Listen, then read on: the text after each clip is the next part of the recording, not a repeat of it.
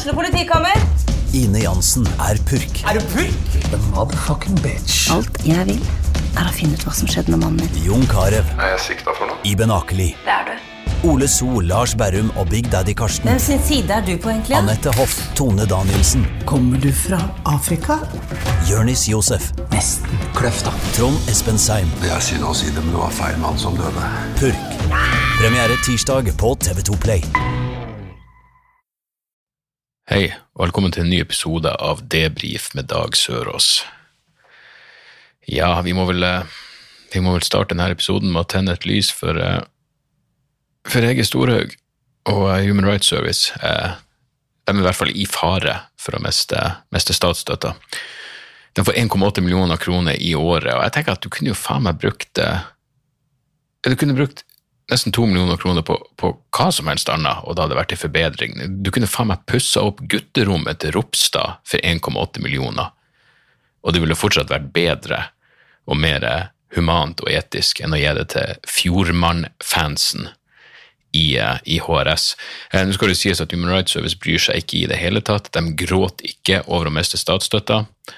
De har eh, skal vi se, hva heter den artikkelen? Moralens voktere varsler kutt i støtta til HRS. Det er en som heter Julie Dale. Og hun skriver at eh, vi gråter ikke over å miste statsstøtta. Tvert imot har HRS faktisk helt siden vi kom inn på statsbudsjettet foreslått at denne posten legges ned, og at alle, inkludert oss, mister statsstøtta. Det er fordi vi prinsipielt mener at det er en uting at såkalte non-governmental organizations fullfinansieres av det offentlige. Hva er frivillig med det? her er jo altså en vill fuckings idé. Hvis du er prinsipiell motstander av å motta penger fra staten, så er det fullt mulig å, å nekte å ta imot de pengene. Det er jeg ganske sikker på. Jeg mener, jeg har fått offentlig støtte som en del av kompensasjonsordninga i forbindelse med turneen min, uh, og det, er- det er jeg en prinsipiell tilhenger av. Uh, hadde jeg ikke vært det, så ville jeg ikke tatt imot de pengene. Hvordan i faen skulle det tatt seg ut? skal det sies at uh, i den samme artikkelen så tigger jo Human Rights Service etter penger uh, fra vanlige folk. Vanlige folk inkluderer eh, de som, eh, de som eh, lar seg overbevise av Hva skal man kalle det? Det, det, det, det retoriske vakuumet som er det meste av det som kommer ut fra rights.no-sida. Men de skriver at vanlige folk Hvor faen var det hun uttalte det her? Den er ute, skal vi se. Vanlige folk er ikke, er ikke dum, skriver hun. Vanlige folk er ikke dum, Eh, men de rød-grønne vil gjøre de kommende årene til uvanlige folks tur, snarere enn vanlige folks. Og dere kan jo gjette hvem som er uvanlige folk. Men med det lyset tent og eh, nå blåst ut, så eh, må vi over til mer alvorlige saker. Jeg har faen meg på fredag så skulle jeg jo dra til, til Brønnøysund, og jeg har jo vært sånn, ja, det kommer frem i forrige episode av podkasten min at jeg var litt jeg var i sånn halvveis hypokondermodus, jeg følte meg ikke helt 100% og da passa det jo helt ypperlig at jeg for første gang siden eh, 2006 eh, satte meg ned, jeg var på vei ut, eh, ut døra for å rekke flytoget, kjente at jeg måtte på dass, satte meg ned der, det kom ikke så mye ut, men det som kom ut var rent fuckings blod. Og det kan jo faen meg Ja, det setter jo, eh, det setter jo pulsen i gang. Eh, I hvert fall eh, på en person med ulcerøs kolittdiagnose. Nå har jeg vært så jævla heldig at jeg, jeg ble faktisk kontakta for ikke så lenge siden av, eh, av noen som drev en sånn rævblod-podkast, Crohns og ulcerøs og Hva heter det IBD, Irritable Bowel Syndrome. Men jeg, jeg, bare svarte at du, jeg er såpass heldig at For hun hadde hørt meg, jeg hadde tydeligvis nevnt det på Brille den ene gangen jeg var med der, at jeg hadde ulcerøs kolitt. Eh, Men faktum er jo at jeg har jo ikke slitt med det i det hele tatt. Jeg hadde ei kjip uke ei uke i 2006, og så fikk jeg en koloskopi, og så fikk jeg diagnosen, og så har jeg spist medisin og ikke merka noe til det siden. Så jeg svarte jo eh, denne personen fra den podkasten at eh, du er såpass heldig at eh, jeg sliter ikke med det faenskapet, så derfor føler jeg egentlig ikke at jeg har så mye å bidra med i uh, ja, i, i en podkast. Jeg har ikke så mye å snakke om. Og ja, så jeg, det, igjen, det, jeg går rett inn i magisk tenking og tenker er det her er straff? Det jeg sa var jo sant, men det er liksom straff. Ble jeg for nonsjalant? Jeg merker ikke noe til ulcerøs kolitt, og så setter jeg meg faen meg ned og driter rent blod. Det eneste som klarte å, eh, å gi meg litt ro i sjela Det var ikke så mye som ga meg ro i sjela, men jeg så at det var, det var helt rent blod. Som betyr Altså, det var ferskt.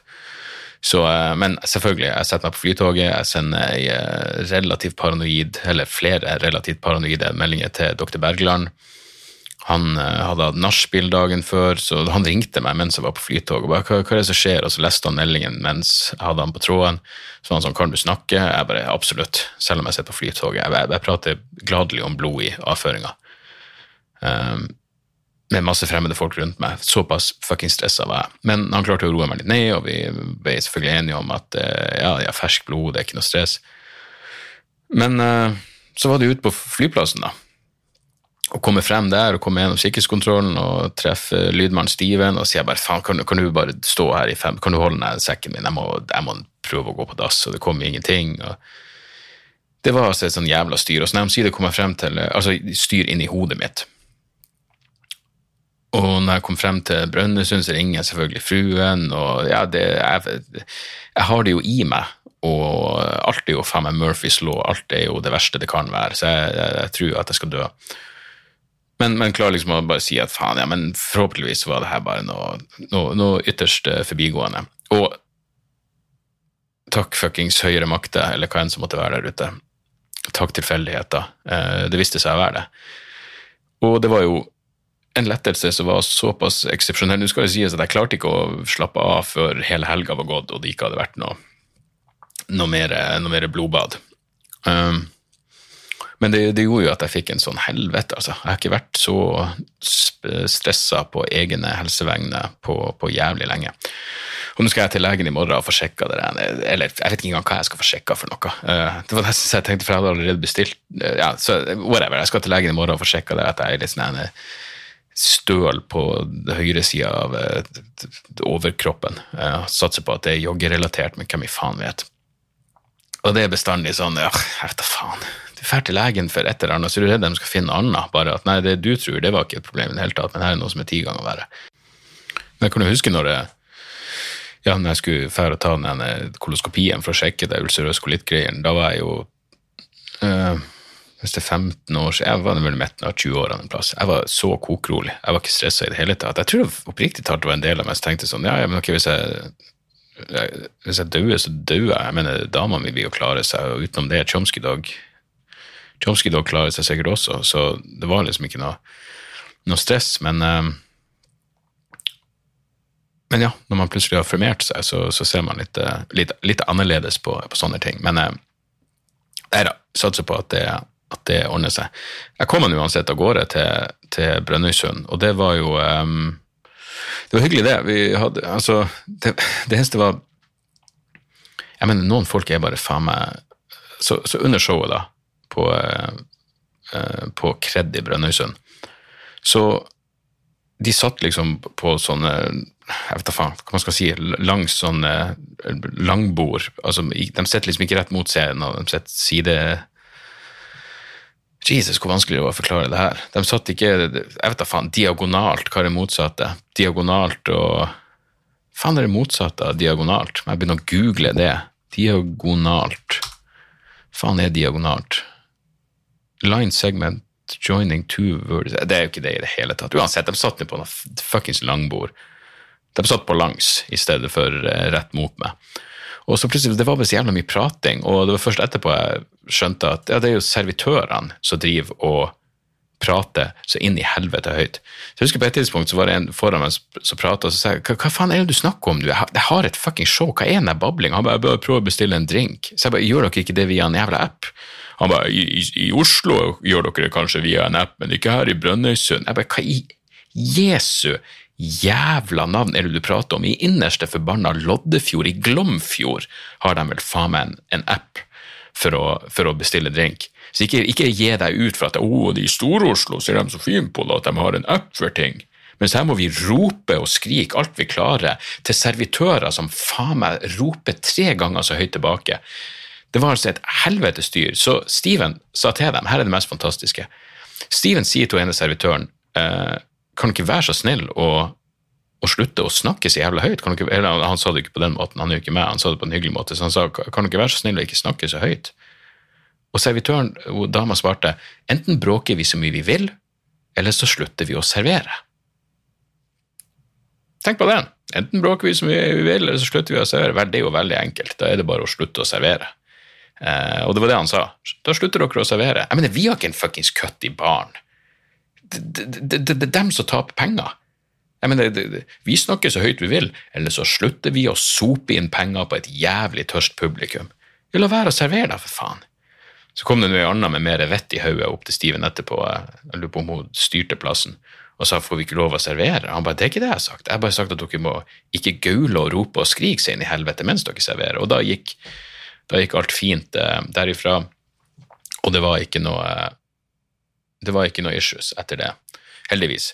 Så, eh, så det er så fint, og så dro vi ut på en annen plass. Eh, altså Det er jo ikke så mye. Brønnøysund er nå den Storgata, ironisk nok den store gata. Så uh, vi dro fra Kred over ja, egentlig rett over gata, rett over i Storgata på andre sida. Og der traff vi noe, noe Jeg holder på å si gamle kjerringer, men jeg vet da faen om de var så mye eldre enn oss. De var i hvert fall på blodfylla.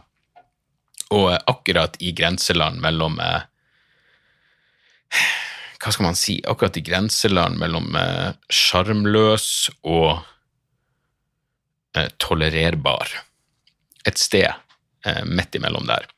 Men de jobba nå og styrte, og jeg trodde oppriktig talt at Steven hadde lyst til å eh, ja, stikke lille-Steven i en av dem, men eh, det viste seg å, å overhodet ikke stemme, og eh, takk Gud for det, for da ville jeg ærlig talt eh, da ville jeg ærlig talt blitt eh, litt bekymra. For både lille-Steven og, og hodet på store-Steven men uh, vi satt ned der og slo av en prat med dem, og så kom det en eldre uh, Eldre igjen? Hvorfor sier jeg at alle er så jævla gamle bare fordi de er litt eldre enn meg? Så kom det en gubbe bort til meg og sa hei, er du her i Brønnøysund? Og så skulle han ha et bilde. Og så klarte han faen ikke å få det fuckings kameraet til å fungere, og kuka det til. Og så, og så mens han holdt på, og selvfølgelig oppi trynet mitt og fuck covid og null stress. Så skjønner jeg, han, så jeg sa var du på, han bare nei, han har ikke vært på showet. Så jeg bare, så hvorfor står jeg her og kaster bort tid på deg? Du var jo ikke engang på showet, og du skal ha et bilde. Fuck off. Jeg, det bare slo meg, jeg sa ikke det, selvfølgelig, jeg er en hyggelig faen, men jeg bare gikk, som kanskje er enda mer uhyggelig. men uh, jeg, jeg, gikk mens han sto og kuka med det kameraet. Jeg tenkte, du, du kom jo ikke engang på showet, hvorfor skal du late som du er noe fuckings uh, Altså, det skjer ingenting annet i fuckings Brønnøysund, og du gidder ikke å dra på showet. Helt greit, null stress, men jeg er virkelig ikke under noen fuckings omstendigheter skyldig deg noen verdens ting, inkludert å stå her og kjede meg i hjel og fryse ballene av meg mens du prøver å forstå at, uh, at du må snu kamera for å få det til å funke. Så, uh, så, vi dro derifra, og så fant vi en plass hvor de serverte en god drink. Jeg tror vi tok oss en, uh, en whisky sour eller en old fashion, jeg husker ikke helt. Og så var det å gå helt til andre enden av uh, Storgata, da, og så kebab. Kebab, liksom, jeg, jeg, jeg, er jo faen ikke noen kebabspiser. Jeg, jeg er jo sikkert på Jeg er overbevist om at på et tidspunkt så var det fem år mellom hver gang jeg spiste kebab. Men av en eller annen grunn så har det blitt meg og Steven sin greie nå på natta. Eller på kvelden. På kvelden, ikke natta engang. Vi tar, vi tar tidlig kveld. Når showet begynner syv, og vi er ferdig halv ni, ja, så er det noen drinker, men så er klokka halv tolv, og da har jeg lyst til å gå tilbake på hotellrommet. Så uh, vi fikk tak i noe, noe kebab, og jeg kommer meg tilbake på rommet, og før jeg får spist den, så får jeg bare melding fra Steven. Det her er den verste kebaben jeg har smakt i mitt liv. Og jeg vet ikke om det hjalp på den kulinariske opplevelsen. Det gjorde i hvert fall at jeg hadde så lave forventninger at jeg ble positivt overraska. Den var jo høyst middelmådig, og den dyreste kebaben jeg noen gang kjøpte i mitt liv. Men, um, men, det var ikke så jævlig, uh, etter mitt syn, som, som Steven hadde, hadde gitt inntrykk av. Um, men uansett, det var nå Brønnøysund. Det er nå Brønnøysund. Hva man skal Altså, det, ja, det, det, var, det var Storgata. Og dagen etterpå så var det å kjøre til uh, kjøre til Sandnessjøen. Det var vel en tre og en halv time. Heldigvis så fant Steven en vei som ikke inkluderte ferge. Så vi hørte egentlig bare på Phil Henry. Og hvis dere, ikke, hvis dere ikke har hørt på Phil Henry, så er det jo faen meg noe av det gøyeste som finnes. Han er jo et, et unikum. Han har liksom et talkshow hvor han spiller talkshow-verter og flere av gjestene. Han er bare så jævlig god. Og så har han liksom eh, det høres ut som ordentlige diskusjoner med folk som ringer inn med helt sinnssyke standpunkt på diverse ting, og så ringer ordentlige andre folk inn og begynner å kjefte, og så har han debatter med seg sjøl og seg sjøl og de her tredjeparten som da ringer inn. Og det, det er sykt gøy og så jævlig imponerende. Så uh, med Phil Henry på, uh, på, radioen så gikk jo tre timer tre timer relativt fort. Og så hadde jeg en sånn jeg hadde en sånn vag idé når jeg kom til Sandnessjøen, at jeg skal faen meg jogge. Når jeg kommer dit, skal jeg faen meg jogge. Og det er litt, litt, av problemet at det er bestandig sånn faen så vi, vi, kom i hvert fall vi kom vel til hotellet i halv fire-tida, og showet begynte syv Ja, syv. Så jeg er sånn, ok, jeg har jo for så vidt tid, men um, hva det er, Scandic Syv Søstre i Sandnessjøen hadde jo faen meg fiksa meg et så jævlig fint hotellrom. Det var jo en halv jævla etasje helt øverst i tiende.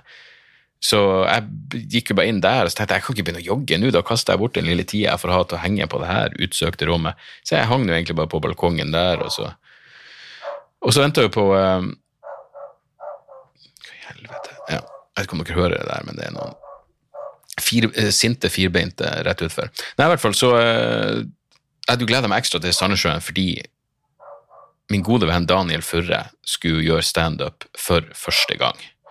Um, han jeg skrev rett og slett til han på Facebook, og så skrev jeg bare sånn eh, Hei, kommer du til showet i Sandnessjøen, for han bor ute, ute på havet. Han er jo faen meg Aquaman. Så han bor ute i Træna eller en eller annen plass. Det er liksom en, eh, en, eh, en svipptur med båten på et par-tre timer inn til Sandnessjøen. Og så svarte han at ja, han har for så vidt tenkt på det, men uh, Og så sier han men, men han skulle også til Bodø og stå og ha standup uh, på onsdag, altså i morgen. Og så skrev jeg bare ja, men hvorfor tar du ikke bare du, Da kan du jo gjøre noen minutter for meg hvis du har et sett planlagt, så gjør noen minutter for meg. Uten å egentlig tenke over at dette blir første gangen han gjør standup. Og han heiv seg nå med på det. Og han fikk jo faen meg og så, og så, skriver han et eller annet på Facebook om at han skal gjøre det. Og så kontakter han meg og sier hvordan, jeg blir kontakta av en lokaljournalist i Sandnessjøen. Hvordan har han funnet ut at jeg skal gjøre standup, har du sagt noe? Men det var jo du som sa det, din dumme dildo. Det var jo du som fucking skrev det på Facebook. Men han trodde ikke at det skulle nå ut til noen. Men han, Daniel Furre er jo en sosial og populær mann, så det hadde jo spredd seg inn i helvete. Så han fikk nå i hvert fall gjort et intervju som solgte ut de siste billettene i Sandnessjøen, så det var tydeligvis det som skulle til. Og, eh, så vi traff, og det var jo litt eh, Altså, Daniel eh, har jo Jeg skrev til han vi, vi, Jeg og Steven skal spise middag her eller der klokka fem. Um, så ta gjerne turen, jeg spanderer. Så skrev han ja, hyggelig. Og så når jeg kom dit, så var han og Steven allerede på plass. Satt og drakk ei øl. Og så begynte jeg å se i menyen, og Førre viste ingen interesse for, eh, for, fast føde. Så jeg sier du må bare bestille hva faen du vil, jeg skal, jeg skal gladelig betale. Og så skriver han bare jeg har fortalt deg det her, jeg kan jo ikke spise fast føde. Han lever på sånne jævla vitamin eh, som du kjøper på apoteket. Og så jeg bare fuck, det har du vel faen meg rett i, det har du vel sagt til meg tidligere, har du ikke det? Faen for en syk ting å glemme. Men det er mange år siden jeg har, har prata ordentlig med han. Så jeg bare ah, fuck, sorry, men da, nei, ok, men da får du, da du drikke, da. Og, og jeg spurte han liksom, er det sånn, er det, er det kjipt å sitte og se på at vi spiser? Men jeg, jeg, jeg, tror ikke han hadde noe inn, det, det var, Han tenkte liksom ikke sånn, han var mer sånn ja, nei, av og til kan du sikkert se godt ut. Men så hvis jeg spiser noe fast føde, så spyr jeg det bare opp igjen med en gang. og jeg, Det er jo like greit at du bare, at du bare lar være. Så, så før jeg skulle åpne opp for meg, og jeg, jeg prøvde virkelig for å liksom for, Eller ja, hva, hva faen er ordet? For å liksom få medfølelse med hvor nervepirrende det er for han, så måtte jeg begynne å tenke tilbake på første gangen jeg gjorde standup. Og det var jo Selvfølgelig, jeg, jeg, tror jeg sa det på scenen, men, men når folk er sånn det er modig å være standup-komiker, det er det på ingen måte. Hvis det krevde mot å være standup-komiker, så hadde det funnes ytterst få standup-komikere. Men det krever faktisk mot å prøve standup for første gang. Det, det, det må jeg si. Så, eh, så, Daniel hadde baller. Så jeg begynte å tenke tilbake på når jeg sto på scenen første gang, så var det jo en nykommerkveld i, i, Trondheim med andre ferske komikere, og du blir liksom introdusert på ordentlig måte som det her er første gang han skal stå på scenen, og fy faen, hvor kult. Mens Daniel, han, første gang han skal på scenen, så er det foran mitt publikum, eh, som i, i, stor grad ikke engang vet at han kommer. Og, eh, og, det er jo liksom ikke tilrettelagt på noen spesiell måte for at i, I tillegg så har han jo problemet at han har jo materiale han har lyst til å gjøre om seg sjøl, som liksom forklarer Det er vanskelig å si ut når altså, Dan, De av dere som har sett vrangforestilling, har hørt at, vet at jeg har en vits om Daniel i showet. Så jeg, jeg sier til han at du, du kan egentlig ikke snakke noe om deg sjøl, og ikke snakke om eh, din tilstand og alt det der, fordi det blir å fucke opp den siste vitsen min. Så han må jo stryke alt det materialet som ville vært veldig naturlig å, å åpne med. Men uh, gikk på scenen, det gjorde han, og imponerte. Gjorde det dritbra. Uh, hadde gode poeng, han skjønner fucking standup, han vet hva greia er, og ikke minst så klarte han å holde seg rolig. Han freaka ikke ut. Um, han, han, man måtte selvfølgelig se litt på settlista av og til, fullt forståelig nok, men uh, nei, jeg, jeg syns han leverte jævlig bra. Han fikk applaus et par ganger, og virkelig, virkelig kult. Så jeg, jeg slo av. Jeg hadde med meg en en reisemikrofon, så jeg jeg slo av en prat med han både før og etter showet, som, um, som jeg legger ut på Patrion. Um, men uansett, så, det, det, det, var skikkelig gøy, og jeg ble jævlig glad på hans vegne. Og jeg vet at Steven også Steven var også skikkelig nervøs på hans vegne, fordi det kan jo gå alle fuckings veier. Selvfølgelig kan det det, man vet jo aldri. Første gang du skal stå på scenen, men han klarte virkelig å, å holde hodet kaldt og leverte. Så, så, etter det så var det jo Selvfølgelig måtte vi, vi feire. Så vi, eh, ja, vi tok en liten podkastprat, og så var det ut. Eh, så vi dro på Oscars, som er plassen jeg tok, jeg, jeg tok han med sist gang Den første gangen jeg traff han i denne ja, den historien er i fuckings vrangforestillingsshowet. Så kom og se det. Eh, jeg skal til Moss på fredag, og jeg skal til Hønefoss på lørdag. Og det er fortsatt billetter igjen begge plassene. I Hønefoss tror jeg minst jeg kan få en god historie ut av av noe greier. Eh, jeg skal først. Eh, og så skal jeg til Kristiansand eh, neste lørdag igjen. 2. oktober skal jeg stå på Kick. Jeg vet da faen hvordan det showet er, er, promotert i det hele tatt, men det er billetter igjen der også. Så det er det som er det med å fuckings turnere i den pandemien. Jeg vet ikke, det, det, er en del av meg som Jeg liker, jeg, jeg digger det showet, jeg syns det er blitt bra, og jeg, det er stort sett en fryd å stå på scenen med det, men, men samtidig så er det sånn Faen, det, det Ja. Det er en del av meg som bare gleder meg til å starte på nytt igjen, og forhåpentligvis neste gang jeg har en jævla turné, så er det ikke noe fuckings pandemibakteppe på det. Men uansett, vi dro ut på, eh, på Oscars etter show i Sandnessjøen, og så ble det noen drinker der. og jeg og Steven stakk selvfølgelig og kjøpte kebab, som man gjør. Det var en steg opp fra kebaben i Brønnøysund. Mens, eh, mens Furre endte opp på nachspiel, og ja, nei, han traff han så vidt eh, på formiddagen før vi eh, dro ut på flyplassen og dro hjem. Og da var han eh, sliten, men glad og fornøyd. Og så skulle han jo egentlig, som sagt, stå i Bodø nå, onsdag denne uka. Men jeg fikk melding fra han eh, tidligere i dag om at båten er allerede For han skulle ta båt fra Træna til Bodø. Båten er allerede kansellert fordi det er sånn helvetes, helvetes uvær der oppe. Så, så, jeg håper i hvert fall at han får prøvd seg igjen. om ikke så lenge, fordi det var, det var gøy å se. I hvert fall så skulle vi da hjem, og jeg visste allerede at det her kom til å bli en lang jævla dag, fordi vi fløy fra Sandnessjøen til Bodø, og så hadde vi tre timer og 40 minutter mellomlanding i Bodø. Det jeg ikke visste, var at Steven ikke visste det. Så når vi landa i Bodø, så var han sånn Hæ, så på billetten og så på tavla, og bare hva faen? Og så bare Vi skal faen meg være her i tre og en, tre og en halv time. Og han var så så lei seg at jeg tok meg sjøl i å spille med noen sekunder. Jeg, jeg, vil ikke være sånn Hæ, visste du ikke det? Hva faen er du dum, har du ikke sett på billetten?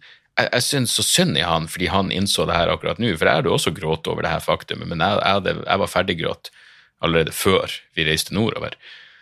Men så jeg, jeg, spilte litt med. Jeg var sånn faen, det er jo helt jævlig. Og han bare jeg vil ikke engang drikke. Det ville vært det perfekte tidspunktet å bare drikke seg full på, men jeg vil ikke engang drikke. Og jeg bare ok.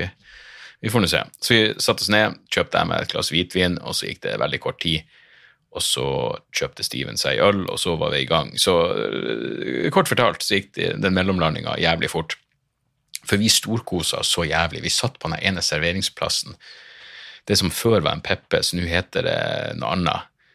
Uh, men vi satt liksom rett utfor. Den har sånn åpen kjøkkenløsning, så det er en bar, og så er det og så er det åpent Altså, du ser liksom de står og lager maten, og det var Jeg mener, jeg og Steven, i hvert fall, jo mer og mer brisen vi ble, jo gøyere hadde vi det. Fordi det starta med hun der, vi kalte henne Traktor-Laila, hun som sto i baren, hun som jobba som, som kokk der. Hun bare så hun så ut som ei Traktor-Laila. Hvis jeg sier Traktor-Laila, så får dere et bilde i hodet av ei brei og breial, tatovert eh, middelaldrende dame, og det her var jo i høyeste grad. Hun bare ropte 'fish and chips', 'fish and chips', for de gula så jævlig når noe var ferdig. Og det var fish and chips, og det var cheeseburger. Men Steven hadde hengt seg opp i at det var en fyr der som jeg bare kalte spicy meatballs, fordi Steven var overbevist om at han egentlig er polakk, men at han faka en italiensk aksent når når han ropte ut maten.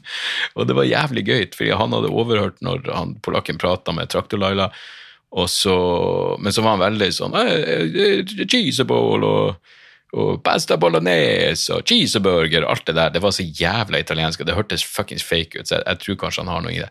Og så i tillegg så var det jo ei eh, i baren som vi bare kalte Lillemy.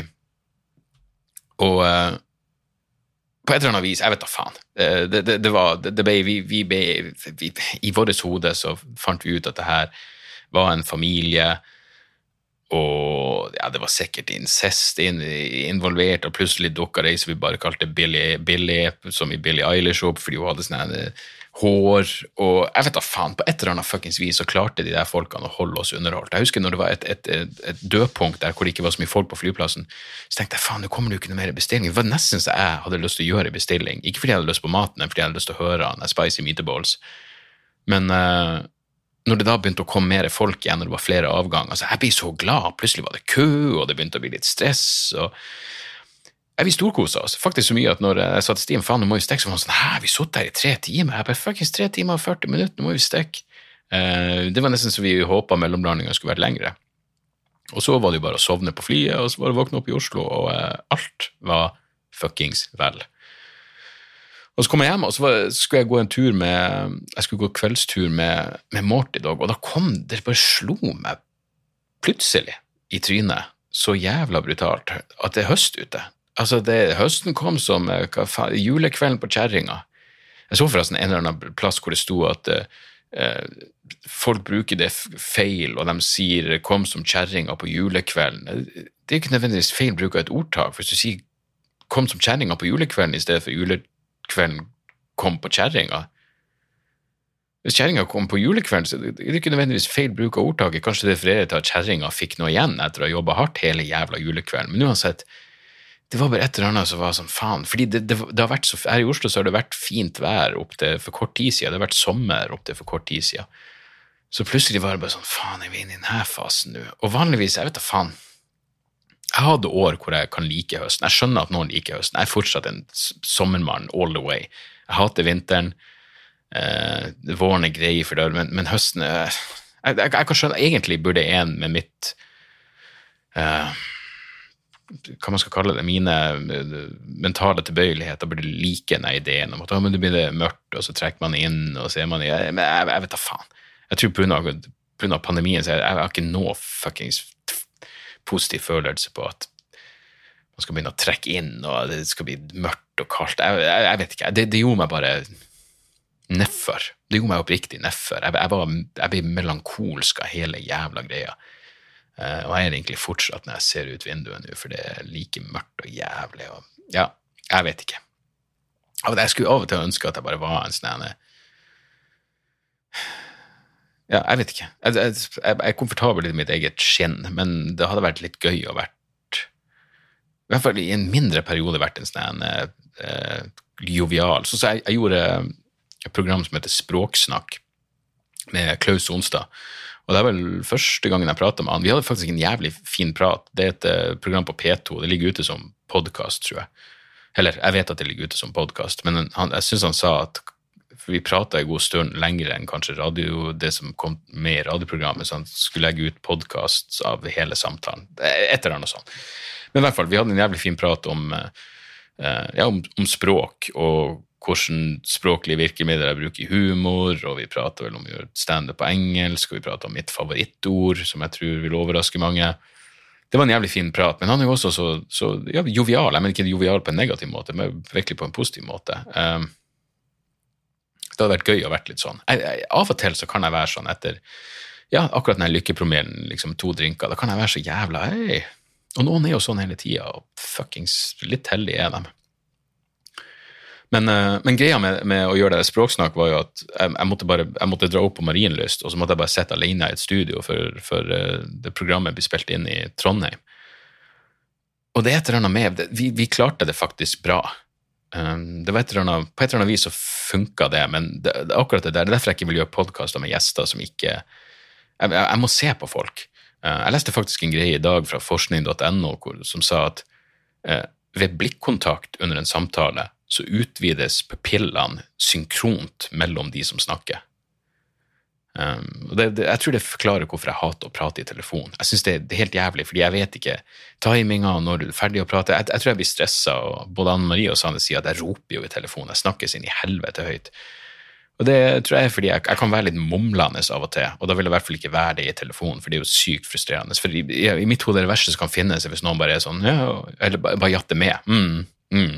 Jeg husker bare eh, min kjære moror, mormora mi, nydelig menneske, men hun eh, Av og til jatta hun med, og da, du merker det med en gang, for hun sa på sånn mm, mm, Og da er det sånn Hun har ikke den fjerneste anelse om, eh, om hva du prater om. Så jeg pleide å kødde med henne hver gang hun bare sa sånn mm, mm. Da sa jeg men ok, men da, da overfører du pengene med en gang.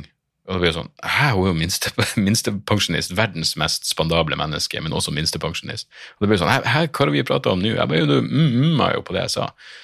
Men, uh, men uansett, sjekk ut uh, Språksnakk-programmet. Jeg, jeg, jeg, har ikke hørt på programmet sjøl, men uh, det var en jævlig fin prat. Og Klaus Sonstad hadde gjort det. det. det. er noe med når folk har gjort ordentlig forarbeid. Uh, sånn som vi spilte inn det her på Det må ha vært forrige onsdag, og han hadde allerede hørt den forrige episoden av Debrif som kom ut tidligere den dagen, og han åpna med et spørsmål om den episoden. Og det er sånn, ja, da har du faen meg da har du gjort litt, eh, litt research, i motsetning til de som er sånn Fortell meg litt om deg sjøl. Så uh, ja, så sånn uh, Sånn var det. Jo, det glemte jeg faen meg å si med, med, godeste Furre og den Bodø-turen. Så ja, vi var og spiste den middagen som ikke helt funka. Eller det funka jo for meg og Steven, eh, og, og eh, Furre fikk seg pils, så det var ikke noe problem. Men så, så sa jo før at han skulle til Bodø, så jeg, jeg, prøvde å hjelpe han å finne det rimeligste hotellet, og så sto det mellom et vandrehjem og Bodø hotell så jeg går nå heller for Bodø hotell. Får han i hvert fall frokost. Og han bare 'frokost, hva i faen skal jeg med frokost?' Jeg bare 'faen, jeg glemte allerede'. Jeg glemte allerede at du faen ikke tåler fast føde. Så, eh, men en liten naturell yoghurt kunne du vel få pressa inn i det nebbet ditt uten at det kommer opp igjen med en gang. Så ja, så, så uansett. Hadde en eller annen sammenheng mellom det ene språksnakk til Jo, det var at pupillene utvides. Ja. Det, det meg til Nederlenderne blir stadig lavere, eh, visstnok. De krymper. Hva faen var det menn hadde eh, krympa med Jeg vet da faen. Nedgangen de siste de siste 40 årene er på 1 cm for menn, det er kjipt å miste en centimeter, og 1,4 cm for kvinner. Jeg bare lurer på hvor lang tid det tar før Norsk Narkotikapolitiforening kommer til å legge skylda på eh, at Nederland har lovlig cannabis. At det er derfor de, at det er derfor de krømper. Men, eh, men gudene vet. Faktisk, en av spekuleringene er at, at Nederland har et mer plantebasert kosthold. Eh, og ja, så dyreprodukt kan virke vekstfremmende. Så ja, nei, faen. Faen vet, jeg liker i hvert fall Faen, jeg har lyst til å dra tilbake til Amsterdam. Det er en, eh, det er en hyggelig, hyggelig by. Og mens vi er inne på lov, eller ulovligheter Faen, altså, noen delte Det er sykt hva skole kan få seg til å gjøre. Men det er altså en rektor, eh, jeg vet ikke hvilken skole det er, som rett og slett har sendt ut og bedt foreldrene underskrive og returnere innen ti dager et ark som gir skoler rett til å pisseteste elevene hvis de mistenker at elevene ruser seg. Og uh, Skal vi se Vi vil foreslå samtykke til at ruskontroll kan gjennomføres de gangene vi opplever at det er rimelig god grunn til å anta at en ungdom bruker rusmidler på en uheldig måte, og det var da jævla mange stipuleringer her. Um, ja, og det kan føre til at elever får altså Mistanke om uheldig rusbruk kan føre til at elever får et eget separat undervisningstilbud, eller at skoletilbudet trekkes tilbake. Det samme kan bli resultatet dersom ruskontroll og andre tiltak rundt en elev ikke fører til ønska endring. Og det som er gøy med at noen deler det på Twitter, er at det er jo advokater på Twitter, blant annet, blant annet Jon Christian Elden, som bare sier jeg ville svart skolen. En viktig del av skolens formålsparagraf er å lære de unge om demokratiet og rettsstaten, samt å vise dem samme tillit som andre i samfunnet. Det samtykkes derfor ikke til tvangsinngrep mot henne der lovens regler for at politiet regler for at politiet kan gjøre det, ikke er oppfylt. A fuckings men, Jon Christian. Uh, en, en, bra mann. Um, ja, nei, faen for en idé, altså. Det, det, det er ballene. Og nå viser det seg jo faen meg også Jeg lurer på om det, om det er farligere å jobbe på Nav nå enn det å jobbe i politiet. Jeg tror, I hvert fall de siste ti årene så tror jeg det er like mange Nav-ansatte som er drept som politifolk, eh, som i to, hvis jeg ikke tar feil. Så hvor er Nav sitt jævla elektrosjokkvåpen? Jeg mener, jeg skjønner jo faen meg, jeg, jeg vil jo si det er mer legitimt å, å være bevæpna hvis du fucker med stønaden til folk enn eh, enn de fleste andre, andre, situasjoner. Så jeg vet ikke hva det blir å ende opp med at du faen må gjennom en metalldetektor før du kommer deg inn for å få ordna opp i eh, trygderot, eller gudene vet. altså Det er vel trist nok å oppsøke et Nav-kontor i, i, utgangspunktet, men eh, plutselig skal det bli som en jævla flyplass. Jeg vet ikke. Det var jo også en, en god, eh, et godt forslag nå, syns jeg, fra uh, det var noen i Arbeiderpartiet om at politiet skal begynne å gi ut kvitteringer. Dette har jeg snakka om før, men igjen, det er viktig at det kommer opp.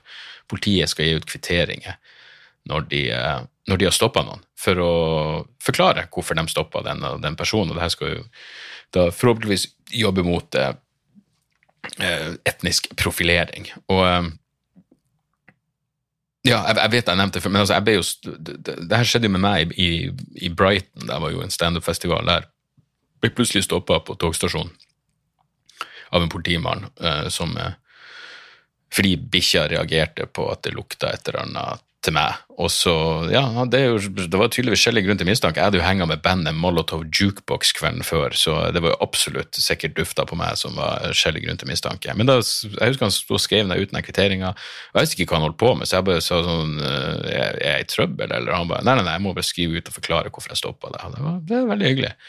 Jeg lurer faen meg på om jeg tok vare på den kvitteringa. Den burde jeg jo ha liggende Den burde jeg ha liggende en eller annen plass. Um, ja, der var vi faen meg på 36. Jeg tror Jeg tror egentlig det var det hele. Denne uka så kommer det um, en bonusepisode av podkasten på fredag, og den er eh, riktig så eh, Den er riktig så jævla fin. Det er nemlig et intervju med Øystein Skjælåen eh, om eh, hans bok eh, 'Meningen med rus'. Jævlig hyggelig fyr. Eh, vi fant absolutt tonen og hadde en, en særdeles fin back and forth. En, en samtale hvor ja, pupillene våre av naturlige årsaker Hvor pupillene våre av naturlige årsaker ble utvida gjennom, gjennom, gjennom, samtalen. Så den kommer ut på fredag. Uh, Patron-støttere, patreon.com slash Dag Soras, de får også den praten jeg gjorde før og etter showet med Mr. Daniel Furre, kommende standup-stjerne. Utenom det, gå inn på dagsoras.com slash hvor og eh, få med dere turnédatoene. Jeg ser jo på det her som, som innspurt. Og eh, det som er igjen, la meg nå si det her. Eh, det som er igjen av show, er nå på fredag er det Moss, på lørdag er det Hønefoss, så er det 2. oktober på Kick i Kristiansand, 8. oktober Ullensaker, kulturhus, 9. oktober Fredrikstad, 22. oktober Ålesund, 23. oktober Ulsteinvik, det har jeg ikke vært på en god stund, 29. oktober Rognan, 30. oktober Stormen i Bodø. Så er det 4. november, Rockefeller. Første show er utsolgt, men det er fortsatt billetter igjen til, til 21-showet eh, 4. november. Så er det Vadsø 5. november, Kirkenes 6. november, Tromsø 18 november, Finnsnes 19. november, Mo i Rana 20. november, og så Olavshallen, Trondheim 26. november. Faen, det hadde vært gøy å fylle opp eh, oppe på Olavshallen. Eh, tanken er å filme vrangforestillingen der også, så 26. november klokka 19. Dagen etterpå, 27., så er jeg i Molde, og så er det 3. desember i Harstad, 4. desember i, i, på, på, i, på Sortland, og så avsluttes sluttes hele fuckings sulamitten med min retur til Ole Bull scene i Bergen. Da gjør jeg vrangforestilling oppe på Ole Bull 6. desember klokka 19. Så der, så. Det skulle være det hele. Så et par tips helt på slutten. Uh, Nine Perfect Strangers på Amazon Prime.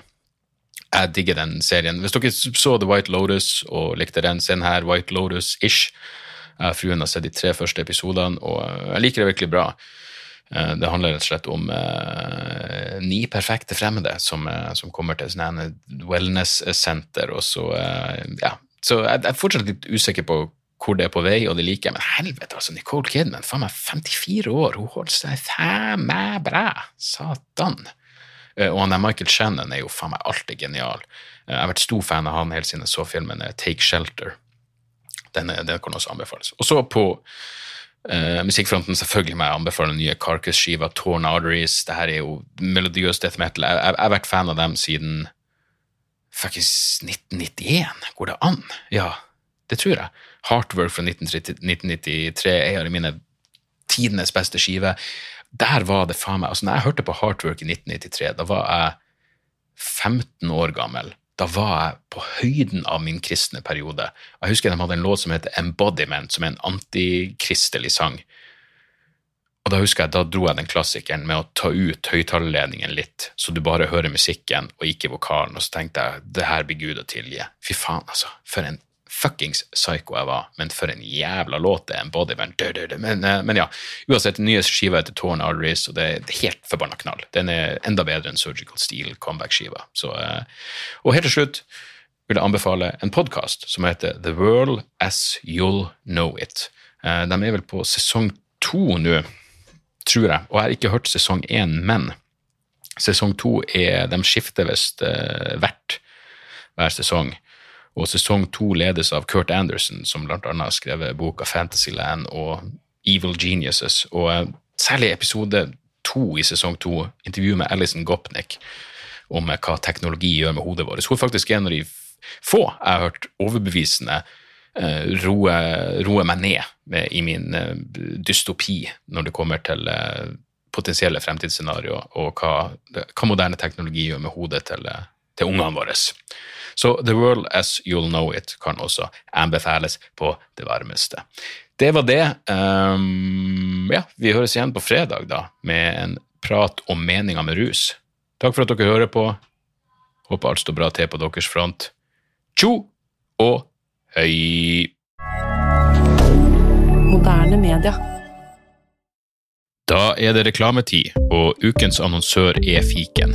Hør her, jeg, jeg, jeg avskyr ordet regnskap. Ordet regnskap eh, gir meg assosiasjoner som er uhyggelige. Det får meg til å tenke på andre uhyggelige ord som ettersyn og underlivsundersøkelse. Men regnskap er et nødvendig onde, og fiken er et så enkelt regnskapsprogram at selv jeg kan klare å ha kontroll på finansene hvis jeg bruker det. Eh, du kan registrere kjøpene dine bare med å ta et bilde av kvitteringa med appen, og så kan du bare hive, hive kvitteringen. Hvor nydelig kan det bli?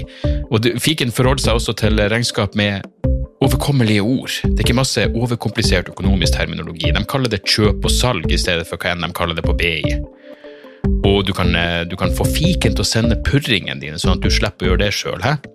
Slipper du de flaue øyeblikkene hvor du må skrive 'unnskyld meg, men det står noe utestående her, kan du fikse det fortest mulig', må jeg sende, må mafiaen etter deg? Nei, fiken fikser det, så kan du skylde på algoritmene. Du slipper dårlig stemning.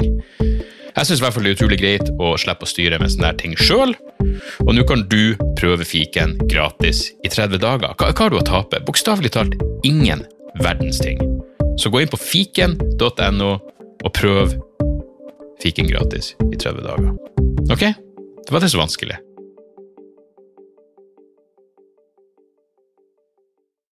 Har du et enkeltpersonforetak eller en liten bedrift? Da er du sikkert lei av å høre meg snakke om hvor enkelt det er med kvitteringer og bilag i fiken, så vi eh, gir oss her, vi. Fordi vi liker enkelt. Fiken superenkelt regnskap.